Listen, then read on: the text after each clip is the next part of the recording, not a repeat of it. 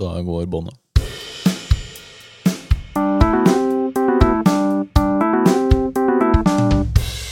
Den gang da. Hei, hei, hei, hei, hei, og velkommen til nok en episode av denne fantastisk historiske podkasten Den gang da. Uh, ja, vi sitter her som vanlig, tre store lærere. Jørgen, Hans og meg, da. Henning. Går det bra med dere, gutter? Vi har det fint. Eller jeg har det i hvert fall fint. Ja, jeg har det kjempefint, jeg. Oi, Ja. kjempefint. Ja, det er sol her inne. Ja, Ja. faktisk. Eh, så bra. Eh, det vi skal snakke om i dag, er jo eh, altså Apropos sol. Norges evige sol. Norges Oi, lys. Den helligste, beste kongen Norge noen gang har hatt. Norges evige konge, nemlig Olav Haraldsson, eller også kjent som Olav den hellige. Ja. Ja. Det er, det er store sko å snakke om. Jeg tenkte du Jeg var, jeg var litt redd for at jeg hadde bomma, at du var på vei inn i Einar Gerhardsen der en periode. ja. Nei, han er nummer to. Norges jeg. evige sol. Ja. Akkurat Eh, før Steinar Bastesen. Yes. Olav den hellige er jo, eh, eller Olav Haraldsson, er jo en person som er verdt å snakke om bare fordi han var veldig interessant. eh, Og fordi det er eh, ja, vi, Egentlig fordi vi syns det er litt gøy, så vi har lyst til å snakke om det. Ja, også fordi, jeg jeg syns det er interessant fordi myten om ham kanskje har vært eh, med på å bære så mye som har vært en viktig del av Norge. da. Ja, det er eh, det vi lærte på skolen da vi eh, gikk på skolen. Vi har faktisk gått på skolen, vi òg. Så eh, det er Olav den hellige man først og fremst bruker som navn, for det Han, første. han som kristnet Norge. Eh, Og han eh, døde, spoiler alert, på Stiklestad i 1030. Ja. Og så skjedde det masse merkelige ting eh, etter at han døde, med liket hans og ting grodd. Og han, ble, han ble ikke eldre Han, han, ble ikke, han råtnet ikke som lik og negl og grodd osv. Men eh, vi skal kanskje gå litt eh, inn i om hva som egentlig er sant der. Ja, fordi det, det er jo det vi skal selge på i dag. Altså mannen og myten. Og, Og, og myten. ja, og hva er det som er Altså, Hvem var Olav den hellige, og hvorfor, ikke, ikke minst hvorfor han har fått den posisjonen han har fått i norsk historie som han har fått. Eh, og aller først så skal vi jo kanskje snakke litt, bør vi snakke litt om den historiske konteksten. Altså, Når er det eh, Olav lever? Hvilken tid er dette? Hva er det som er med på å forme han? Hvordan fungerer samfunnet på denne tiden? Ja. Ja. Ja, Når er vi da, først og fremst? Nei, Vi er i 1978 på Stovner. Nei, eh, Vi er jo i det som kalles i Norge vikingtid, altså yngre jernalder. Um, godt inn i vikingtida, egentlig. Eh, Et par hundre år inn. Ja, Vi er jo på slutten av vikingtida, altså tusentallet. Ja. Vi er, vi er, for å si det sånn, så er vi i den delen av vikingtida der de vanlige folkelige plyndringstoktene hadde gått litt til side for de kongelige, litt større kongelige toktene til utlandet. Fordi Norge hadde vært gjennom en eh, form for rikssamling eh, fra Harald Hårfagre og utover. Og Olav, eh, som vi skal se på etter hvert, eh, går da inn i rekken av disse kongene som bidrar til å etablere Norge. da. Fordi vikingtida, man regner jo den som 796, er det ikke det? Som er eh, slaget ved 793. Lindisfjorden? 793, unnskyld. Uh, uff, dårlig dart. Uh, men, uh, men det er vanskeligere å stadfeste når Olav ble født. Man sier et sted på 990-tallet. Det er liksom cirka. Man vet ikke helt. Noen sier 995, det er ja. antageligvis litt før ut ifra når han dro i Viking. Men Så ganske nøyaktig 200 år ut. Men vi vet ganske nøyaktig når han døde. Det vet vi. Ja. eh, 29. i 7. 1030. Jeg har vært litt usikkerhet rundt dato nå. Det kan ha vært 30. august, men uh, Såpass uh, rause får vi være. Får vi, ja, det får vi godta. Men han vokser opp uh, i, uh, i det som er vi, vi kaller det vikingtid. Og eh, hvem var Olav i vikingtiden, da, eller i vikingsamfunnet? Hvilken rolle hadde han? Han, Ja. men han bodde jo for det første i Viken, da. Eh, Ja. Som vi nå endelig kan bruke, dette gamle navnet. Og det er jo eh, Det er jo området som vi på Østlandet nå bruker som navn på områdene rundt Oslofjorden. Ja. Um, og han vokser opp i en ganske fornem familie. Uh, moren kom av eh, Adel snakker vi aldri om i Norge på noe vis, men i hvert fall en aristokratisk eh, slekt. Ja, dette er jo et ekstremt hierarkisk samfunn, og han er jo i toppsjiktet.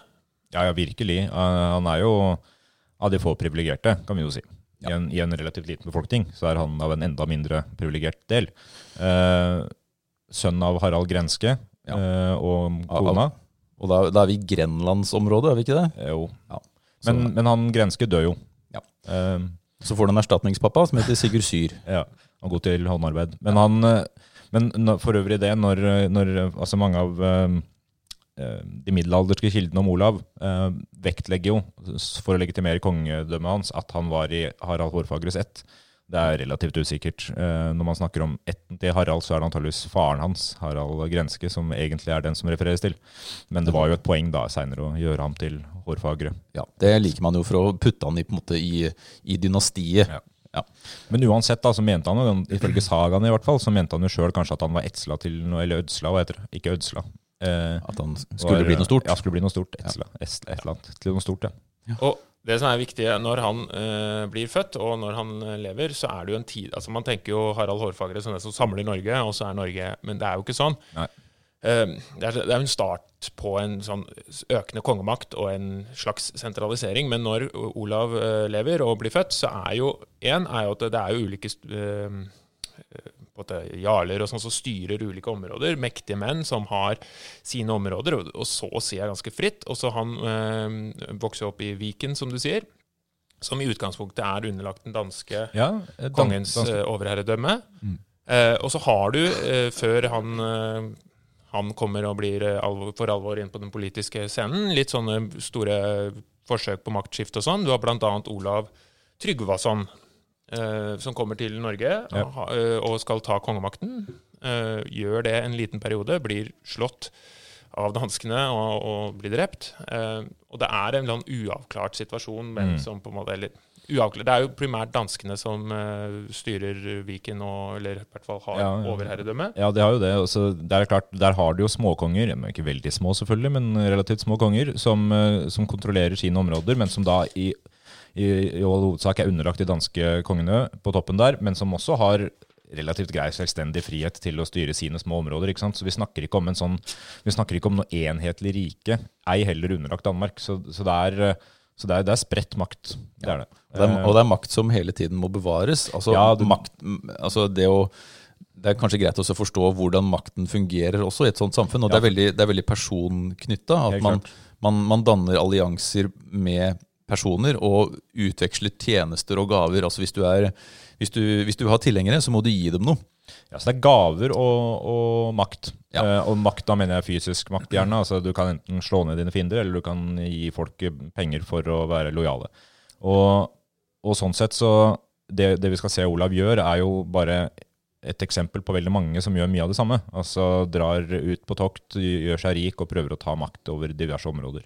Og så er det sånn artig sånn tosidighet i det her, da, at uh, dette maktspillet er, veldig, altså det er basert på ære og lojalitet, og at man skal eh, måtte kjempe til- døden for sin herre osv., men så er det veldig pragmatisk også. Det er en mellomting mellom aksept og, og sånn opportunisme her. At Ja. hvis, du, hvis du ser at eh, den andre er sterkere, ja, da kan det hende at du bytter side. Altså, Ja, ja. ja, han har mer penger, eh, jeg velger han. Så det er vanskelig å forstå egentlig om, om hvor den lojaliteten slutter, da, for det virker mange ganger som at den, den kanskje ikke stikker så dypt. At man, eh, man heller tenker på hvor dype lommene er, da. Og det tok jo noen hundre år før altså, kongemakten ble mer, eh, mer klargjort og sentralisert, og det er jo fortsatt i den tiden. Men allikevel så går jo Olav Haraldsson eh, Han er jo en viktig figur i norsk krigssamling, og vi skal jo komme inn på det. Men det er jo også kristningen, da selvfølgelig, fordi i denne perioden så er jo også overgangen mellom hedendom og kristendom en viktig eh, Ja. faktor. Ja. Eh, og Olav var han, eh, altså Olav Haraldsson, var han eh, kristen fra fødselen, eller hva har vi nå? Nei, Han er ikke kristen fra fødsel nødvendigvis, men han eh, I den grad noen er det. Men det kommer an på hvem du spør. Men, eh, men det er klart, eh, flere av kildene sier jo at han, at han tidlig blir eh, halv, eller døpt. altså Nå var dåpsprosessen i middelalderen todelt. altså når Du blir døpt som barn, og så stadfester du den dåpen når du blir litt eldre. Uh, Så Olav blir jo tidlig Uh, i hvert fall ifølge en del kilder, en del av det kristne fellesskapet, for å si det sånn. da. Ja, og kristendommen var vel kjent i, eh, i Norge, og en veldig stor i, på kontinentet i Europa. Men som, som du var inne på, Henning, i, det, det gjelder ikke hele Norge. Blant annet var Trøndelag et sted hvor, hvor hedendommen da sto fortsatt veldig sterkt. Som også ble kilde til konflikt seinere. Men eh, ja. Ja, for det er jo Litt sterkt, i hvert fall. Ja. Olav som kongen som kristnet Norge, eh, det er jo noe i det, men allikevel så er jo kristendommen hatt Ja, den, eh, stor innflytelse lenge, og hatt eh, både kristne konger eh, før han Ja, også, ja. og, og blant annet Olav Tryggvason, da, som Mm. etter sigende var den som døpte, Ja. eh, døpte Olav Haraldsson Som barn, som barn. Mm. Hvor Olav Tryggvason var jo også Han var også i, i Viking i England og fikk der, fikk støtte og slo seg opp eh, som en rik mann og kom til Norge og tok kongemakten eh, i, altså rett før tusen, uh, tusenårsskiftet. Eh, og på en måte spredde sin innflytelse. Begynte i Mm. Trøndelag og Vestlandet, men også til Viken, da, hvor Olav Haraldsson da som barn eh, levde. Og eh, da ifølge mytene, men kan godt være sant, så så døpte jo han da eh, Var han medvirkende på å døpe Olav Haraldsson. Men det, hele den myt, mytebygginga rundt Olav eh, Haraldsson eh, henger, jo, henger jo en ganske tett sammen med nettopp Tryggvason. Det, at- det at de ønsker å sette den i, i samme, samme rekke da, som Tryggvason, f.eks. Ved, ved denne dåpsfortellinga, og også det faktum at man har prøvd å stadfeste Olav Haraldssons fødsel til 995. Altså det året som Olav Tryggvason Ja. kom til Norge. ja, Olav. Tryggvason, eh, bare for å avslutte, han, han eh, prøvde å slå seg opp som norsk eh, konge, men møtte jo da motstand fra flere, bl.a. De trønderske storslektene, laddialene der, og ikke minst Svein Tjukkskjegg, som vi må komme inn på, som er den danske kongen, som er en mektig, mektig mann. Ja, for i motsetning til, altså, i motsetning til Norge på det tidspunktet, så er Danmark en mer enhetlig, et mer enhetlig område eh, med en mektig konge, som også har, og i hvert fall får etter hvert, kontroll over områder utafor dagens Danmark. Da. Ja, og Svein Tjukkskjegg er jo sønnen da til Harald Blåtann. Som angivelig hadde en råtten blå tann. Ja, der er navnet Bluetooth og så videre og så videre. Som forente. Ja, bla, bla, bla. Ja. Så eh, Olav Tryggvason blir drept, slaget ved Svolder, eh, eh, i årtusen. Og Viken blir igjen underlagt eh, dansk overherredømme. Ja. Svein Tjukkskjegg ser seg ikke fornøyd. Han ønsker jo å bli en stor, eh, mektig herre. Og så er det jo et veldig eh, flott og fint eh, sted hvor man kan eh, skaffe mye skatter og mye innflytelse. Nemlig England. Ja. I Storbritannia, eller England. da. England er jo Altså, England er ikke det Altså, det er Danmark som er maktsenteret i, i denne perioden, i, rundt Nordsjørikene, hvis vi skal kalle det det. Og England er et sted som eh, har vært, eh, og skal bli, herjet av borgerkrig. Eh, og det er én konge som, eh, som vi også kan kanskje nevne i samme slengen, som heter Ethelred. eh, som er konge i England fra ung alder. Eh, og engelskmennene eh, før, år, før det første årtusenskiftet de, eh, de sliter jevnlig da, med vikingangrep. Um, og vikingangrepene foregår på den måten at uh, hver vår slash sommer så kommer, uh, kommer det daner, altså danske vikinger, og plyndrer.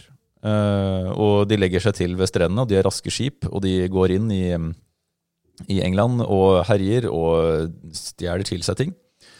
Og så gjentar det samme seg. Litt som en sånn, sånn vårfenomen, nesten. Sikkert vårtegn. Ja, det er sikkert vårtegn, og man skjønner hvorfor. for det det, det er mye å hente der. Det er England står for mye De har en fantastisk ullproduksjon, blant annet, som er veldig verdifull. Og så har de Hvor de sølv. starta den europeiske ull- og stålunionen, Norge. Eh, morsomt. Så, så vikingene forstår at England er mulig å, å herje med, da, for å si det enkelt. Og Svein Tjugskjegg han er jo eh, den som leder stadig større flåter. Eh, hvorfor tjugeskjegg, forresten? Fordi han hadde sånn splitta skjegg. For, ja, Eller altså så to sånne ja, fordi To, to skjeggfletter utover side. ja. Så, eh, så etter hvert som eh, tusentall, altså tu, årtusen passeres, så blir disse toktene større og større. Og ender jo med at eh, man, Svein Tjukkskjegg ønsker jo å på en måte ta over hele England. Ja, for du har jo, altså Vikingtoktene har jo ofte to mål. Det er jo enten å, enten å bare ta rikdom og dra tilbake igjen, eller kolonisere og bli der. Ja. Og der, det, Og, ja. og Svein Tjukkskjegg har jo en plan om å invadere England, Mm. eh, og jobber jo med det. Og samtidig så er jo da Olav Haraldsson eh, begynt å bli en ung mann, og drar viking. Ja, fordi eh, det var jo et ideal for eh, storfolk. Det var å komme seg ut i verden og herje, stjele og oppleve ting. Eh, ikke bare for å få rikdom, men også for, som en dannelsesgreie. Eh, Olav Haraldsson er ikke noe unntak. Han drar ut i ganske ung alder. Hvor ung er litt usikkert. Ifølge kilden Snorre for eksempel, så er han vel 12, men det er antakeligvis litt tidlig. Men la oss si et sted mellom 15 og 20 da, år. Så drar han av gårde. Uh, herjer rundt, men som du sier, da, uh, dette her sammenfaller jo med Svein Tjugeskjeggs angrep på England. Uh, Ja. Første, første kilden jeg fant, var 2007. Da drar han i østerled, altså Ja. østover. Og da, Hvis han er født i 990, da, så er han 17. Mm. Eh, det veit vi ikke. Men eh, i 2009 så går han inn i Svein Tjugeskjeggs eh, Ja. tropper. Og dette er et viktig poeng. da, Når du sier danehæren, så betyr jo ikke det at det bare var dansker. Eh, Det var eh, vikinger fra større områder også, Norge eh, og sånn. Eh, Fordi, som Henning var innom i stad, det der lojalitetsbåndet til noe land fantes jo ikke, til noen nasjon, på en måte. Så man, man gikk dit penga var, eh, og akkurat da var penger og makt hos Svein Tjugeskjegg. Og det er ikke til å stikke under stol at Olav også bare var da en sånn lykkejeger på det tidspunktet. Skal vi ta litt om det første toktet da, i 2009, eh, hvor vi har noen altså, Olav beskrives jo sjelden med navn i kildene, men man har på en måte antatt at han var der, fordi det passer med hans egne skalder og eh, hvordan de beskriver at han dro hit eller dit. Eh, og i 2009 så er han jo sammen med en ganske annen fascinerende type, da. Du, eh, som, heter Torkel. Torkel Høie. Og mm, sammen med altså Svein Tjugeskjegg, han, han trenger ikke engang å dra på toktene sjøl til slutt, for han er såpass mektig. Han sitter i Danmark, og så sender han disse troppene på en måte i forveien til England. Og i 2009 så, så er det et svært plyndringstokt i, eh, i England, og her, eh, ja, her er sannsynligvis Olav med, da, sammen med denne Torkel Høie. Og de plyndrer blant annet eh, ja, de, de mottar i tributt, annet utenfor byen Canterbury. De mottar mye Mottar penger. 3000 pund. Det er mye penger. Altså, det, vi snakker tonn med sølv her, da. Ja, vi snakker jo ja, ikke pund som i Ja. penger men ja. Og det, det som også er en greie, er at man etter hvert eh, Man har jo dette systemet der eh, engelskmennene betaler seg fri for plyndringa. Og jeg, jeg, altså, du må synes litt synd på, på kong Ethelred. Altså, for Ja, han, han, han sliter voldsomt med, med både indre opprør og at det er vanskelig å samle troppene, og også disse stadige irriterende vikingtoktene da, som kommer hvert år, og de er større og større. Og hver gang han på en måte bygger opp flåten eller hæren sin, så er vikingflåten enda større. ikke sant? Og det Så- må, altså, jeg t- hvis du tenker litt perspektivet, da i, de, de aller fleste er jo bønder, ikke sant? Og det handler jo litt om å overleve. Så la oss si du er en engelsk bonde. Da, som, du, du handler om å jobbe hele sommeren, få inn nok mat så du klarer å overleve vinteren. Ikke sant? Og så er det jo det du fokuserer mest på. Det er rett og slett ikke dø av sult. Eh, Og så eh, samler du den maten du klarer, og så kommer disse jæskla vikingene År etter år. år etter år. Og det eneste de må gjøre, er jo å ta all den maten de kommer over. For det er ikke sånn at de har med seg matpakker for å herje i eh, Nei, det er grensa hvor mye tørrfisk du kan ha med deg. Ikke sant? Så de kommer, tar maten din gang på gang, og det er jo rett og slett forferdelig eh, Kan hende ligger de med døtrene dine nå. Ja, og, og, måte, og, dette, og dette er normen. Når du er på en måte soldat, så har du som du sier, ikke lov til å ha, eller du har ikke mulighet til å ha med deg alt, så da må du plyndre. Og du det plyndrer også, det du ser. Det er også noe av lønna til disse bondehærene, eller hva vi skal kalle det, ikke nødvendigvis det, da, men disse hærene som, eh, som kongen samler for å dra på tokt. det er jo, altså Lønna deres er jo nettopp det de klarer å plyndre. Så De får jo ikke noe annet enn det, så derfor er de jo mest interessert sjøl i å ta så mye som mulig. Og, men det vi bare for å stikke inn det, da, så ser vi også det at det øyeblikket disse de ikke har noe mer å ta, fordi de har herja så mye, eh, at det ikke er noe mer ressurser å hente, så gidder de ikke ikke være der lenger, så drar de hjem. Og Det er jo derfor disse toktene varer en viss periode, og så er det ferdig, fordi hærene bare går i oppløsning av seg sjøl. Men eh, for å bare gjøre ferdig Olav her, da. eh, altså Det er mellom 2009 og 2011 så er han i, eh, England på sånt gjennomgående plyndringstokt. Han plyndrer av Canterbury, beleirer London. Blant annet i 2009. biskopen. Eh, klarer ikke å ta London, eh, men eh, de prøver. Eh, i, i, året etter, i 2010, så er Olav og Torkil eh, igjen eh, på Altså, de er fortsatt i England, men her knuser de da angelsakserne i slag ved Ringmarheia, som er tilsvarende Sussex sør i England. Og et, ganske, et forferdelig blodig slag hvor eh, de slåss eh, som, litt som grekerne og romerne gjør, med denne hoplittforlangsen, hvis dere, hvis dere husker fra tidligere den gangen. Vi husker det. Vi husker det. At man går mot hverandre på rekker. Ingen har hester. Det fylker seg vel. De, de, altså det er fylking, svinefylking, som blir brukt som begrep. Og så går man mot hverandre taktfast. Ikke, man løper ikke, fordi man må holde formasjonen. Og så går man mot hverandre. Og poenget er å holde formasjonen for å stå samlet, men også for å hindre folk å rømme. da. Altså, Altså, altså man har skjold, da. er viktig. man har skjold og spyd, og så stikker, ja, kommer man fram. Også de fleste har enkle spyd, noen har sverd hvis de har råd. Og så idet formasjonene brytes, så har du tapt. altså. Så, og det skjer her, hvor angelsakserne blir knust, slakta ned for fote i 2010. Og året etter så plyndrer de Canterbury igjen, og etter det her så er Olav en rik mann. Og det skal være veldig Antar viktig for han da, i eh, tiden som kommer. Ja, fordi Olav han, eh, han er med og, på invasjonen av England, men tar etter hvert og drar viking. Men la oss gjøre en litt uh, lang historie kort. Det er at ender jo med at Svein Tjukkskjegg vinner. Etterredd rømmer. Han flykter til Normandie, og eh, Svein Tjukkskjegg vinner eh, på en måte kampen. Og så tenker du da kunne jo alt eh, gått bra. For da, nærmer seg han, han, er, han, han skal til England og, og krones til konge, nærmest. da. Ja, Svein. Men i 1014 da så dør jo Svein. Ja, det er typisk. ass. Og da eh, skjer det det at eh, en del av etterfølgerne hans også da utrop, og det som var planen til Svein, at sønnen hans Knut skal da bli ny konge av England. Men da ser jo Ethered sin uh, mulighet til å komme tilbake Ja. Og på en måte ta makten tilbake. Ja. Så uh, Ethered kommer tilbake eh, etter da å ha vært liksom i Normandie, og eh, eh, kommer tilbake, og Knut må rømme. Ja. Og Knut eh, er jo da en veldig ung gutt. Eh, han er i tenårene. Han er vel rundt 15, er det Ja. ikke det? Ja.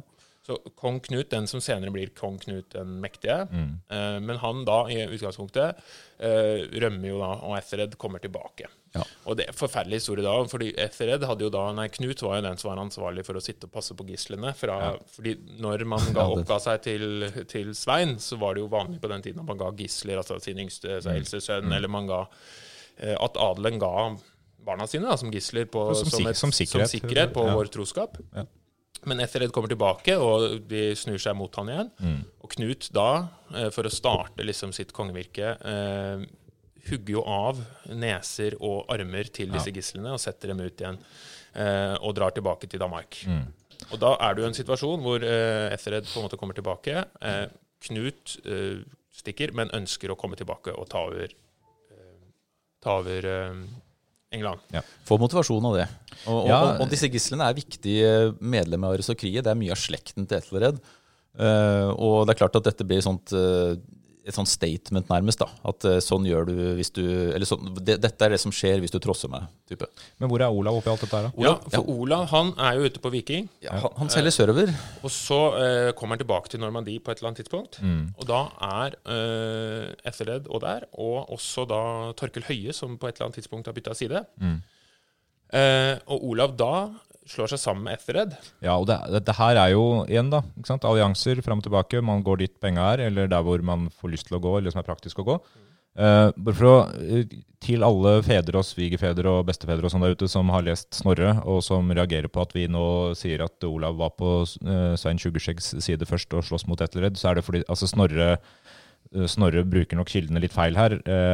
og legger ikke fram den sida av saken, bare så det er sagt. Altså, det er derfor man ikke alle kjenner igjen det her. Fordi eh, Snorre baserer seg på noe skaldekvad, eh, særlig av Sigvat skall, men bommer på hvilken side Olav var på da, i tidlige tider. Ja, og det finnes flere kilder her, bl.a. agelsaksiske kilder. Og det finnes også munker som skriver ned Ja. ting i Normandie. Um, og det, et, et poeng som er viktig kanskje her, da, for de som uh, kjenner myten til Olav, er at etter at uh, Olav har vært på da, Han drar så langt sør som til Portugal, sannsynligvis, til den gamle byen som heter Cadiz. Og så kommer han nord igjen og ender av og møter alle disse menneskene. Og i 1014 så blir han døpt i Ja. Rouen, som er uh, Ikke starten på den kristne Olavsmyten, men kanskje?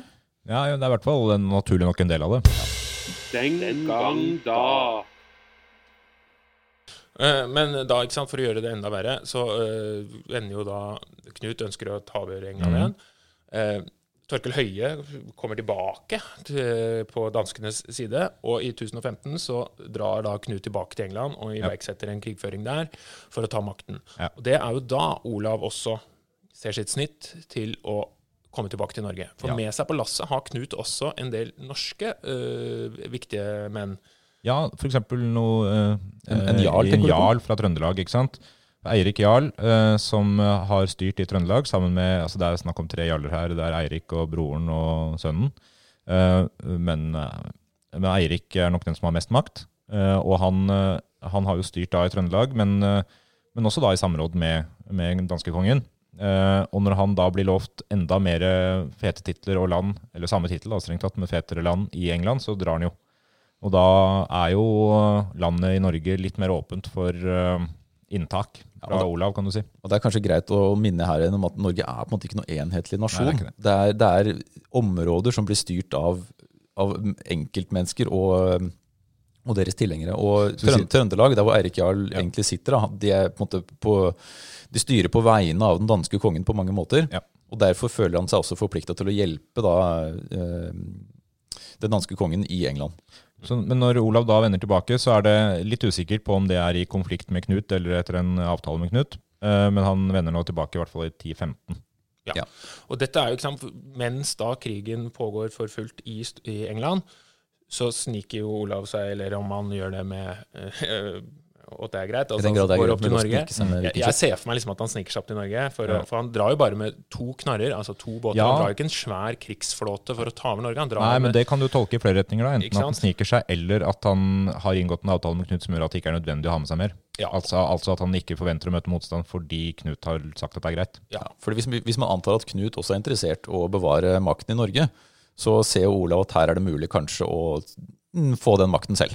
Ja, og, ja, og Olav, som du sier, to knarrer, bare for å forklare det, så er ikke det vikingskip, det er to handels- eller fraktskip, så de er ikke, de er ikke på en måte Han er i sivil. da. ja, ja, eller ja, mer eller mindre, men han drar i hvert fall uten altfor mye krig, eh, krigsmateriell med seg.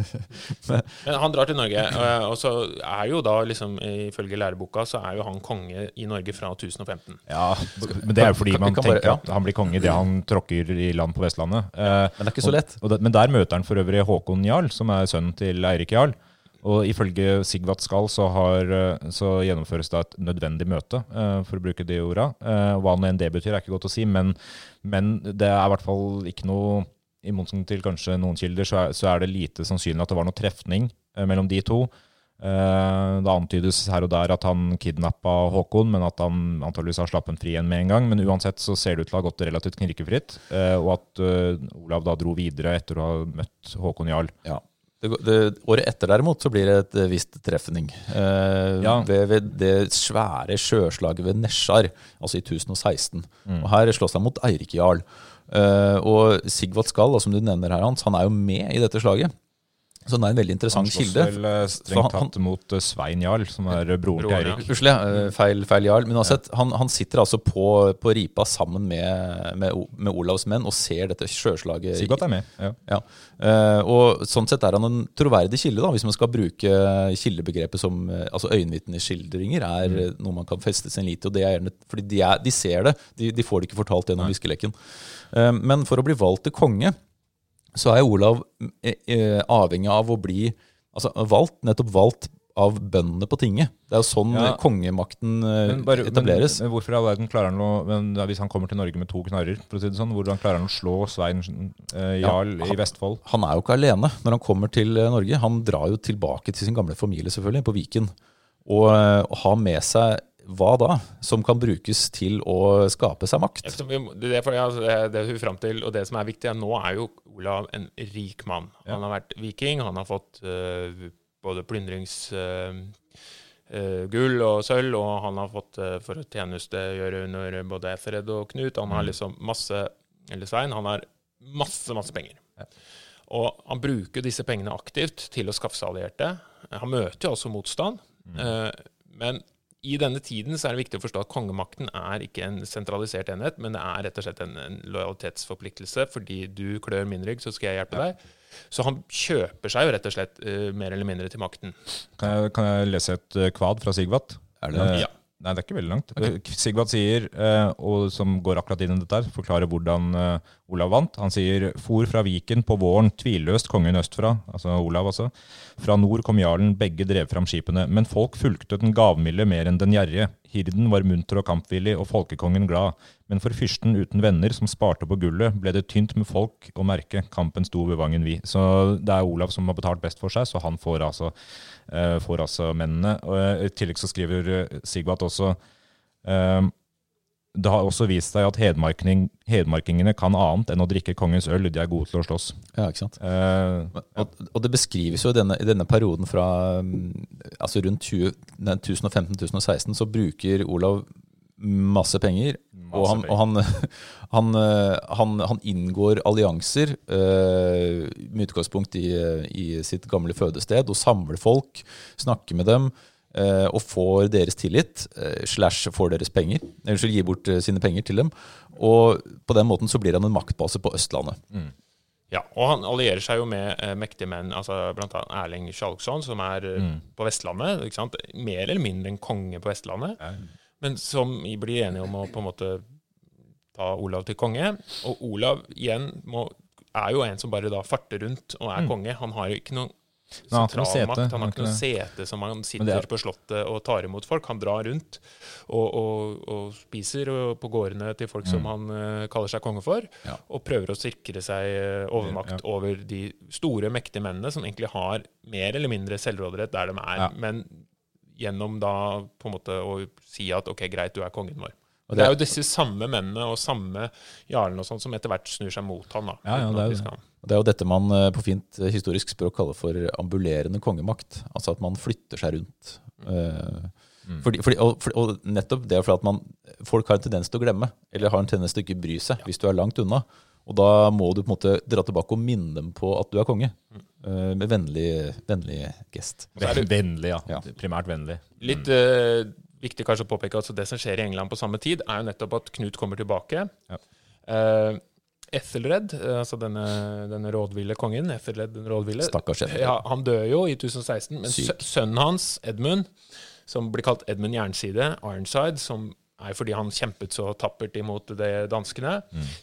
Kjemper tappert. Det er eh, noe, vel noe sånt som fem ganske heftige slag, men Knut på en måte får litt overtaket. Men de ender opp med å møtes og bli enige om å dele kongeriket seg imellom. Ja.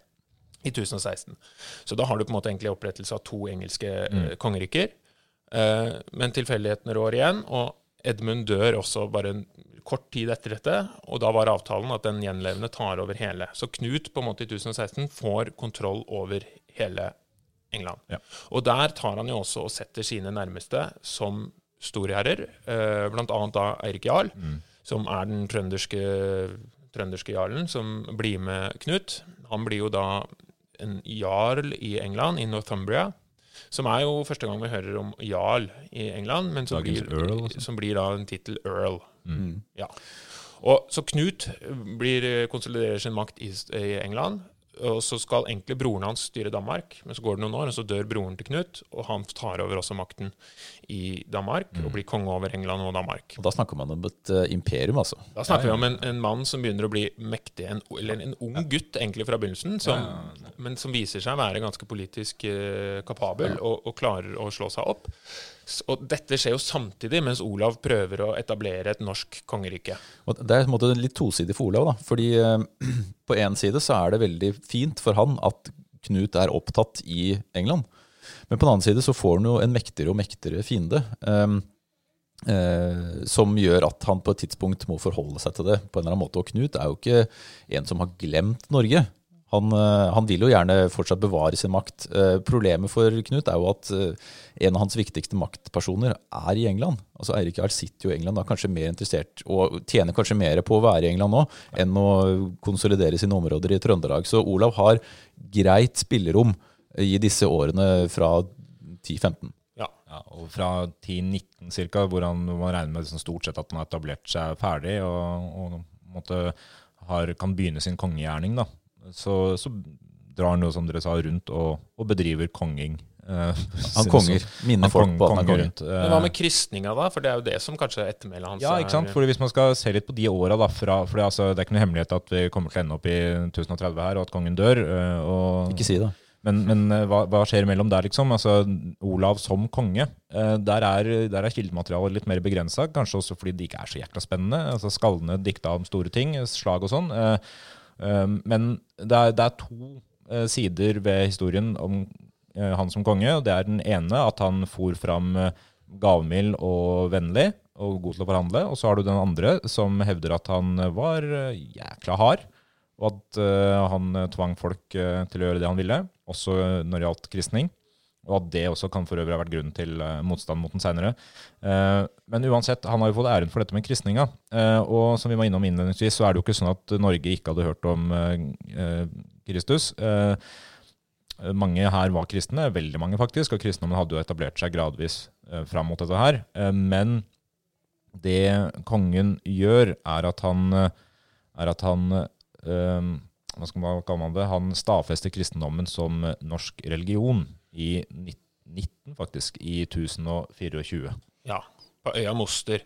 For der er det jo tingmøte, hvor det blir eh, vedtatt en type Altså det som kan egentlig være begynnelsen på det norske kirkevesenet som en sånn felles enhet. Hvor det blir etablert at det er kristendommen som skal være den eneste religion, og at man ikke skal drive med andre religioner. Sånn sett så følger man jo den eh, gjengse europeiske tradisjonen, da, hvor man ser at eh, kirkemakt er viktig også, og ganske effektivt for å konsolidere makt. Ja, det handler jo om at du Ja, det er mange grunner til det, selvfølgelig, men at du, du får en, eh, du får en legitimitet, som, legitimitet som konge også da ved å, ved å gjøre deg og de rundt deg kristne. Ja. Men det er veldig viktig, altså det er jo en viktig nyansering fra Olav som en sånn from, kristen, øh, vennligsinnet konge som med, med gavmildhet og trøst sprer det gode budskap. Han er jo en vikingkonge. Han er jo en, en, en maktpolitiker. Han er en ganske hensynsløs fyr, fyr som ikke nø nøler med å ta livet av de som Ja, det eventuelt er helt står imot riktig. ham. Og bare for å si litt om uh, grunnen til at man kanskje har et litt forvrengt bilde der, er jo at, er at de første som begynner å skrive om Olav, eh, er kirka. Nettopp pga. helgenstatusen hans. Så, så er det liksom de, mye, mye av de eldste mytene om Olav som begynner å vandre etter eh, døden hans, er religiøse. Eh, så all senere historie har måttet forholde seg til det på et eller annet vis. Enten de har vært skeptiske til det eller ikke, så har de måttet ta hensyn til det, i hvert fall. Så det, det har jo vært grunnen til at man har fått et litt sånn forvrengt bilde, da. Ja. Men uh, Men hva det, men hva er det han sier i du vil at jeg skal Ja, jeg vil, at, jeg vil høre litt om den loven fra Moster, fordi det er litt interessant å vite Ja, altså innledningen, Det første i vår lov er at vi skal bøye oss mot øst og be til Hvitekrist om, et, om godt år og fred, og at vi må holde landet vårt bygd og kongen vår ved helse. La ham være vår venn, og vi hans venner, og la Hvitekrist være vår alles venn. ja, Og ordlyden her eh, setter jo kongen da også i en særstilling, ikke sant? fordi man skal, det blir trukket noen paralleller mellom kongens makt og Kristi makt, eh, som er veldig viktig både for kongen sjøl og også for seinere religiøs eh, oppbygning i Norge, og også for legitimering av kongemakta seinere. Ja, så den verdslige makten her er jo vel så viktig. Ja.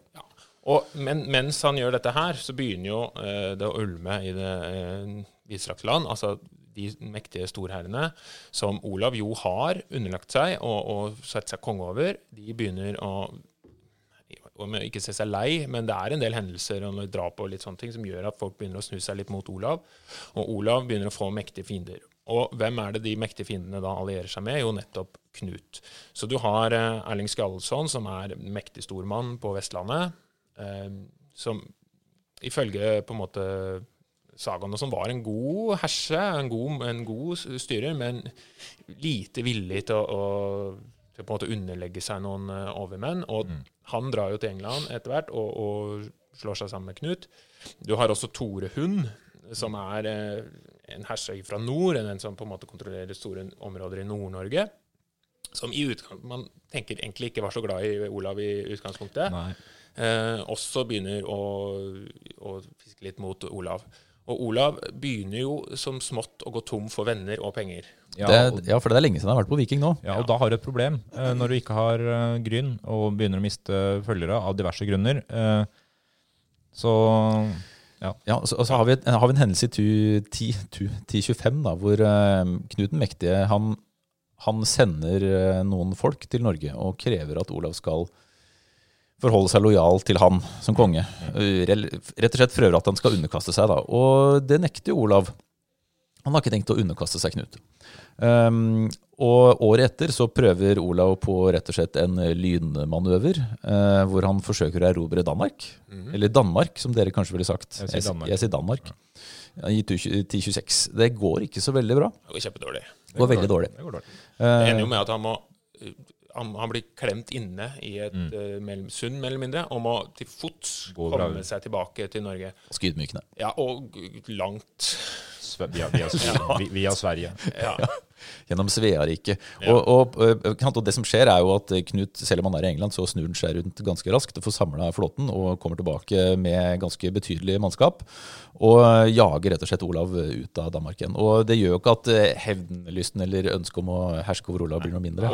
For å tydeliggjøre også da Knut sin makt her, så er jo han da eh, i Roma for å bistå eh, eh, kroningen av den nye tysk-romerske keiseren. Så han, han begynner jo å bli en av de virkelig store politiske aktørene i det europeiske eh, maktapppolitiske spillet.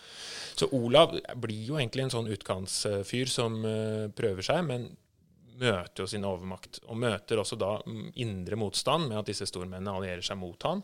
Og han til slutt da i 1028 må rømme til Sverige. Ja, for da kommer Knut med i hvert fall 50 båter. Ja. Eh, og, og Olav rømmer, som du sier, først til Sverige og så til Gardarike i Russland. Russland, som det kanskje heter. Um, og på det tidspunktet her så er jo Olav marginalisert.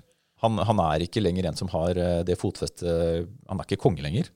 Eh, han har rett og slett mista makten sin. Ja, og historien kunne jo endt der, men han prøver seg jo å komme tilbake. Det er noe napoleonsk over dette her. Ja, At han, at han kommer tilbake for sånt det siste hooray. eh, Mm. Og det er jo to år eh, etterpå, da, i 1030. Ja. Hvor han da forsøker å komme tilbake og ta over makten og allierer seg med noen eh, venner og familie, men blir jo slått av ved som vi naturlig nok kjenner. Jeg, jeg, jeg titta litt på kildene man har til Stiklestad. Det er, det er faktisk noen kilder, Til? eh, kildene man har Ja, på du sa Testiklestad. Nei, ikke til Stiklestad. Eh, så man, uh, det er noen kilder som mener at uh, altså, Den eldste kilde, kilden på dette er en anglosaksisk krønike fra 1043, altså veldig tett opp til, og de skriver at han ble myrdet av sine menn i et bakhold. Ja, ja. En kilde fra 1070 skriver at, nei, unnskyld, han, at han ble drept av sine egne. Mens en annen kilde fra 1070 sier at han bør begynne sine egne i et bakhold. Så slaget om Stiklestad um, historien, eller slash myten, den kommer først seinere. Ja. Muligens et, som et skritt i å etablere kong Olav som den helgenen han jo blir. da. Ja, for det er jo spørsmålet. Hvis han, ja, hvis han ikke hadde kommet tilbake Mm.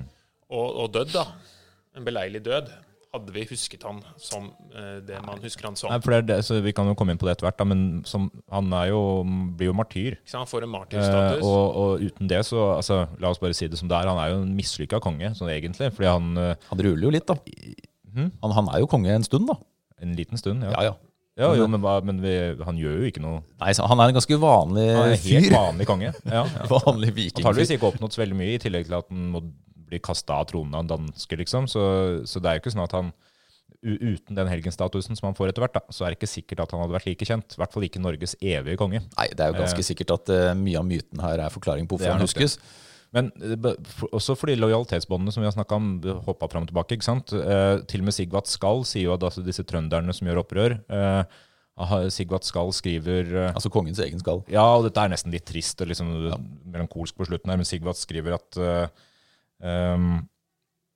Jeg laster ingen av partene. eh, For verken kongen eller trønderne for å ha gjort opprør. eller prøve å... Så han har en viss sympati, ja, han da? liksom, ja, en, nesten som en sånn sympati for trønderne som gjør opprør. da. Det sier litt om, om eh, hva man tenkte kanskje om kongens eh, kongelighet, eller om måten han hadde jobb, jobba som konge. da. Og så, og så er det Det er kanskje et viktig poeng at Sigvald Sahl han skriver ikke ned. Nei, nei, Så du er sier han skriver. Fordi Nei, Sigvard Skall er jo en, en kjempe, ja, han er skall, og han er jo en kjempekilde til både Olavs uh, virke og også tiden etter. Det er vel rundt 160 skald som uh, kvad som er bevart, eller strofer som er bevart fra han. Mm. Og var visst et, et talent, håper jeg gudgitt talent, i, i skaldekunsten. ja, Og skaldekunsten er jo en del av vikingidealet. At man, man skulle ikke bare kunne kjempe, man kunne, skulle også kunne dikte. og man, man hadde på en måte en del sånne dyder da, som man, eh, som man skulle besitte hvis man skulle være Ja. Men Olav dør, da. Olav dør. Olav dør i 1030. var kanskje det, det riktigste han kunne gjøre på det tidspunktet. Men hvorfor blir han Ja, det er noe med det. det er noe med... Helgen? Han får litt momentum, så, eller moment, som det heter, etter sin død. da. Han oppnår mye Nei, mer etter at han dør. Enn, Etter at han eh, dør, så ja. er det jo ikke sant Knut som Ja. tar over den overherredømmen. Ja, for- men, men Knut gir makta da nedover til eh, Yes. Ja, for da, da, etter en, da har vi en femårsperiode da, hvor, um, hvor den danske kongen eh, de facto setter en på tronen, som er en av sine. Uh, som er relativt upopulær, uh, uten å gå for langt tilbake i krøniken. Da. Men, men det skal ikke gå mer enn fem år før man har før, for, for hans gamle motstandere eh, Olavs gamle motstandere. Ja, Olavs gamle Ja. motstandere henter sønnen til Olav, Mm. som da senere heter Magnus den gode. Altså først Magnus Olavsson. Da, og han, han, er, eh, han er gjemt bort, stua bort eh, i Russland sammen med sin mor, som er en frille, som heter Alvhild. Som er eh, da denne som Olav fikk barn med. Ja. Så 1035 så, er, så hylles denne Magnus eh, som konge av et relativt enstemmig eh, norsk folkeslag. Han, han, får rett og slett kongemakten uten kamp. Og det er ikke ment fem år etter Olavs død. Og dette er jo også med i myten til Olav den hellige, fordi man bruker Magnus den gode, altså sønnen til Olav, som en fortsettelse på, på en måte Olav den helliges dynasti. Ja. Fordi, altså, Det du spør om, er jo egentlig hva som skjer som gjør at Olav får den helgenstatusen. Og enkelt sagt, fra et uh, kristen perspektiv, så er det selvfølgelig fordi han eh, har en nærhet til Kristus, og kroppen hans viser seg å ikke råtne, f.eks. Det er liksom den mytiske greia at man åpner det omtrent et år etterpå, åpner graven. Eller en annen eh, kilde forteller at eh, liket kommer opp av graven på egen hånd. Eh, men uh, uansett så, så har han da ikke, ikke, ikke råtna. Håret har fortsatt å vokse, og han har eh, rød, kinn og Ja, blått. Ja, I det hele tatt.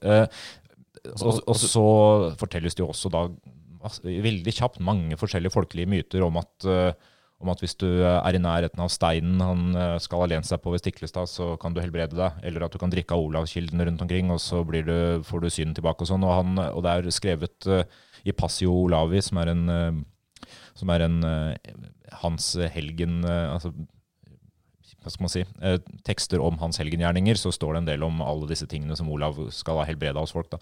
Men det som antageligvis er den historiske forklaringa, er jo at, eh, er at kirka eh, ser seg tjent med å heve opp Olav, sammen med at de som ønsker å få Magnus den gode til, Magnus da, til å bli konge, også se, ser eh, det retorisk fornuftige i å bygge opp Olavs etos, også fra et religiøst perspektiv. Da. Ja, det, det er to ting. Det er den pragmatiske nytten av å ha en lokal forankring både for kirkemakten og for kongemakten. Ja. Det at det er veldig greit å ha noe du kan si at du kan på en måte legitimere din egen tilstedeværelse både som kirkemakt og, og kongemakt. Og si at ikke sant? Ved å gjøre han til helgen, så får du en sånn stadfesta måte start og rot i at her er dette er Guds vilje, dette er men, altså den, sånn pragmatisk Det tjener en hensikt å gjøre det. Men så må vi ikke undervurdere altså, Dette er jo en tid hvor hva, som, hva folk tror på, og virkelighet og, og, og det overnaturlige er hånd i hånd. Hvor folk, det, i hvert fall en del, tror jo faktisk det, Vi har jo ikke noen forutsetning for å ikke gjøre det. At Olav kanskje er utvalgt av Gud etter hvert, og at denne Ja, ja. sprer seg, ikke bare som en sånn pragmatisk For det er jo lett for oss i ettertiden å si at det, Nei, nei. det, det tjente seg, men at faktisk folk tror jo at Ja. kanskje han var utvalgt av Gud. Og med en gang denne troen begynner å få, få feste, så det- får det en veldig stor kraft. Men de moderne kraft. tolkningene av det er, er nok, eh, går nok i retning av at det er kirka, som setter, eh, kirka og noen folk som setter i gang ryktene, men at det blir folkelig rotfesta etter hvert. Men at de tradisjonelle forklaringene har mer vært at dette begynner hos folket. Eh, Men det er mindre sannsynlig. Og så, hjelper jo selvfølgelig kirkas eh, makt etterpå. da. Man bygger jo en, en ikke helt ubetydelig kirke der hvor man mener Olavs grav ligger, og den heter Nidarosdomen.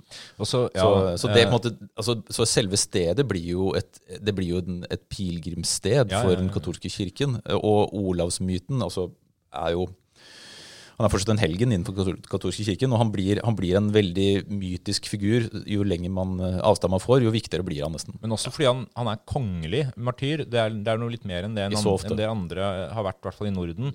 Eh, Så sånn sett så passer det jo veldig godt også inn i en engelsk kontekst, fordi der har du større tradisjon for kongelige martyrer eller kongelige helgener. Eh, eh, Så sånn sett så, så er dette fornuftig også for å plassere den norske kongemakta i tradisjon med Europa, da. Den katolske kirke er jo ikke så veldig Jeg tenker Vi er jo i den woke-perioden. Det er ikke så veldig woke med å gå inn i, i liksom utforske martyrene sine og utforske det virkelige virke til eh, helgenene sine. Å bli dekreditert som, kreditert som helgen er vel ikke så vanlig. Nei, det, vi har ikke kommet dit ennå.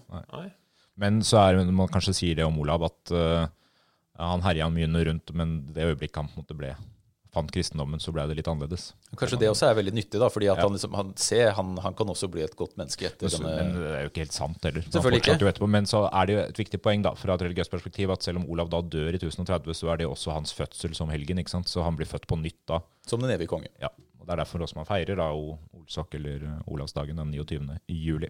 nå, er det, nå er det en festival i Trondheim, så det er jo, eh, man kan fortsatt feire det.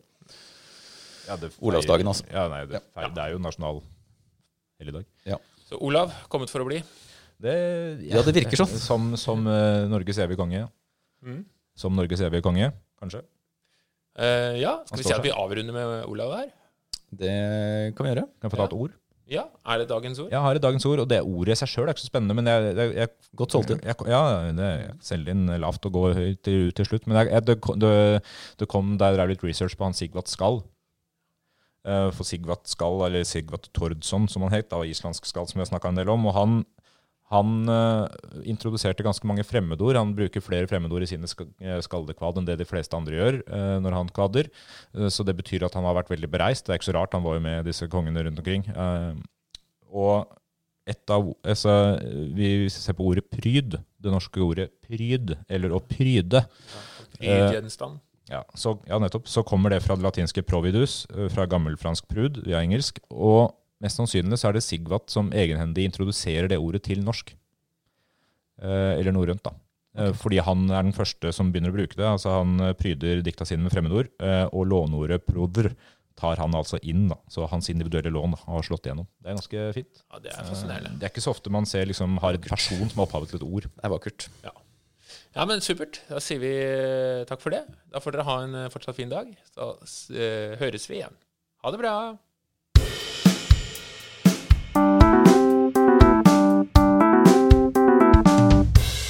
Den gang da.